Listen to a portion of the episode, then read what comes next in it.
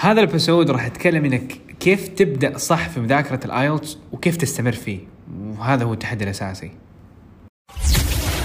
This is دليلك بودكاست الملاحظة اللي لاحظتها وأبغاكم تلاحظوها في كل حرفيا في كل شخص جاب الدرجة هي حاجتين. رقم واحد هو بدأ المذاكرة which is ممكن الموضوع يبدو بديهي بالنسبة ليك لكن فعلا أو أسأل نفسك أتوقع بنسبة 90% منكم ما حيبدأ في ال IELTS ولسه ما بدأ في ال IELTS ما بدأ المذاكرة. قاعد يتفرج قاعد يجمع معلومات قاعد يجمع مصادر لكن ما بدأ حرفيا بمذاكرة ال IELTS ما. ما بدأ بالبرنامج الصوتي ما قرأ الكتاب.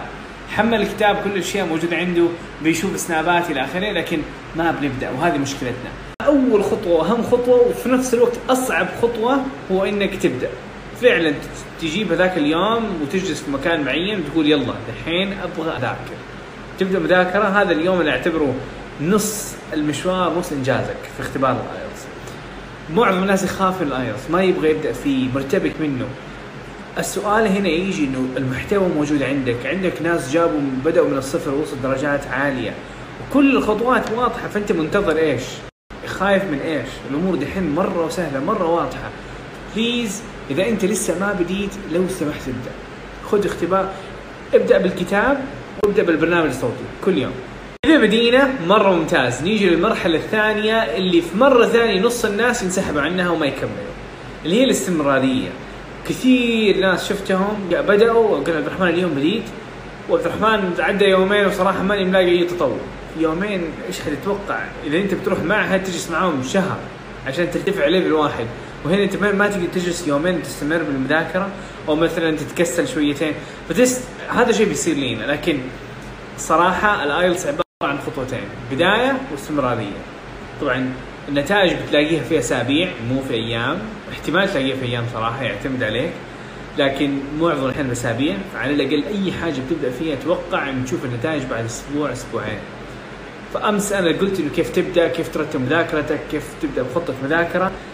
ممكن بعضكم يتحمس ممكن بعضكم فعلا يحمل الكتاب ممكن بعضكم فعلا اليوم يكون اول يوم لي في الاستماع لكن ما أبغى هذا الشيء يوقف. حتى لو مثلا فاتك يوم عوضه باليوم اللي بعده. مو معناه إنه خلاص انتهى الموضوع ووقفنا يعني خلاص وقفنا. لا يمديك تكمل يمديك تعوض. مثلا اليوم اللي ذاكرت فيه ساعتين اليوم اللي بعده ثلاث ساعات مثلا اعطيها أو إذا نسيت مثلا.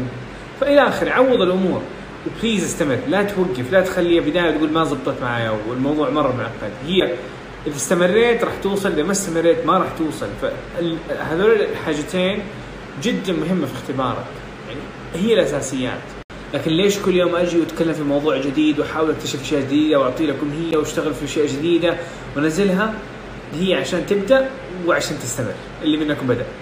لأنه معظم اللخبطة اللي أنا كمان تصير معايا وتصير معايا مو بس في ال IELTS في اشياء كمان كثيرة في الحياة بشكل عام. فهي البداية والاستمرارية. وهذا إذا ممكن عشر أشخاص منكم بدأ فعلا أو استمر أو كمل مذاكرته بعد ما انقطع أنا بالنسبة لي it's worth my time it happens. وللأسف نسبة جدا قليلة مننا حيب حياخذ الموضوع عمليا. بس الكلام حقوله 500 ألف مرة. الموضوع سهل الايلز بسيط لكن يحتاج له وقت فخلينا نكون إيجابيين بواقعية. المصادر موجودة عندك تحفيز عندك ناس جابوا درجات قدام عيونك اليوم خمسة تجارب نزلتها وحتى في الصباح نزلت أحد من من الأخوات اللي اختبرت أو قالت عبد الرحمن كلامك ما هو منطقي وجربت الموضوع ثلاثة أربع أيام في أسبوع ولقت نتائج واقعية. فكل المصادر كل حاجة حتى خطة المذاكره امس قلتها قبل شوية فكل حاجة جاهزة ليك. You just have to start وإنك تستمر.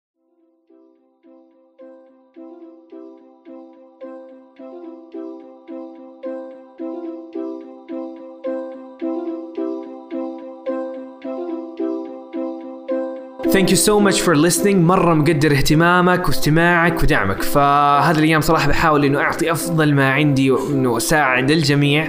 فأي سؤال وأي استفسار كلمني على الخاص. وإذا حبيت إنك تتابع البودكاست إنه قاعد أنزل حلقات مرة قوية عن التحفيز عن ال IELTS عن تطوير اللغة عن قصتي فتابعني على دليلك في IELTS dot com slash podcast عشان تشترك في البودكاست هذا ويعطيكم ألف عافية. مع السلامة.